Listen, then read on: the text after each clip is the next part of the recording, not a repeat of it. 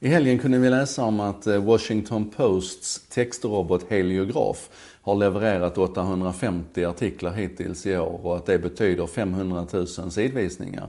Det är alltså en halv miljon sidvisningar som Washington Post inte hade haft om det här programmet som skriver automatiska artiklar inte hade funnits. Och det här är ett skäl till att man utvecklar textrobotar på tidningarna eh, i mediebolagen idag. Det är naturligtvis att man vill få fler sidvisningar. En annan sak är att man vill effektivisera arbetet på redaktionen så att man inte behöver sitta och randa de där tråkiga notiserna. En jämförelse i senaste valet här i USA i november 2016 så publicerade Washington Post över 500 automatgenererade artiklar. Och en bråkdel av det krävdes det fyra personer som arbetade 25 timmar för att åstadkomma 2012. Så det är klart att här finns ju en, en enorm potential och det är många som ser det. Vi har Rosa Linda här i Sverige från United Robots som skriver sporttexter och gör artiklar baserat på lagfarter. Vi har Wibbits från US Today som, som levererar video, automatgenererade video, ni vet de här med texter som är så delningsbara. Vi har Buzzbot som Buzzfeed har skrivit ihop som är en open source-robot som ligger där ute. Det här är jättestort. Jag blev lite förvånad att vi inte fick se det här nu i kyrkovalet. För här skulle man ju mycket väl kunna tänka sig att en textrobot hade bearbetat resultaten hela vägen ner på församlingsnivå och gjort en, en snygg läsbar nyhetsnotis om det.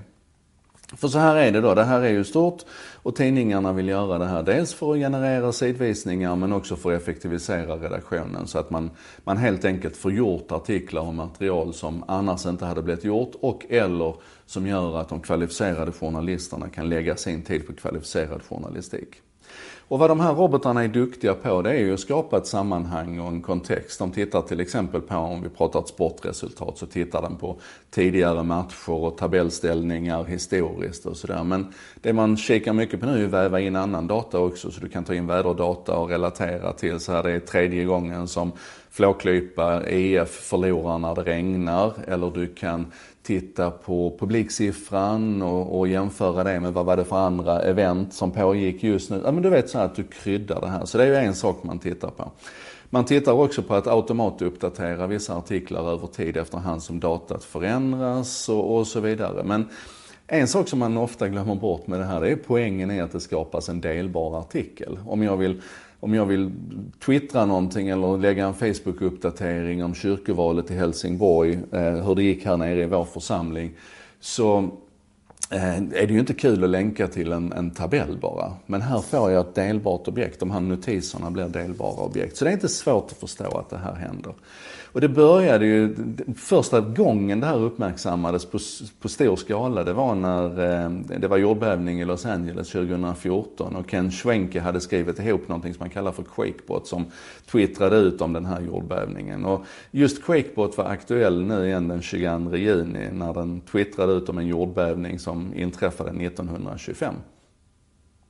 Och det berodde på att han hade fått felaktigt data utifrån, gjorde sitt jobb och skickade ut det på Twitter och skapade en notis. Och det där är ju ett exempel på hur det här kan bli lite galet och hur vi behöver hålla huvudet på skaft här. För det sker ju en, en massiv utveckling här idag. Man tittar på fler och bättre datakällor, man tittar på en bättre artificiell intelligens eller maskinlärningsalgoritmer som kan processa de här datakällorna. Man tittar på bättre NLG, alltså Natural Language Generator, så att språket blir naturligare och upplevs ännu mindre stolt. Men faktum är att redan idag kan vi inte i blindtester skilja en robotgenererad artikel från en mänsklig artikel.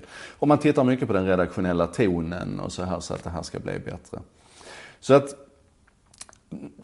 i det här ligger nog också utmaningen tror jag, att de här artiklarna börjar bli så bra så att det är fullständigt omöjligt för oss att skilja dem ifrån traditionella artiklar. Det går så rasande snabbt så att ibland åker det ut en jordbävning från 1925 där ute.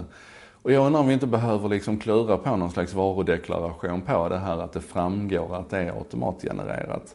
Och ett exempel är, jag hade en god vän som checkade in på ett hotell i helgen och fick en hälsning ifrån deras virtual host. Det kom ett, ett sms-meddelande så, hej det är jag som är Edvard, din virtuella värld. Du kan fråga mig allt och gör på det här sättet. Och då reagerade min vän så här, nej men gud vad kul, det här är första gången som jag blir välkomnad av en virtual host. Och jag bara tänker, hur vet du det? Det är första gången du blir välkomnad av en virtual host som berättar att den är en virtuell värld. Men det kan ju ha hänt hundratals gånger tidigare och hade det inte varit rätt skönt om vi hade vetat om det? Lite så klurar jag.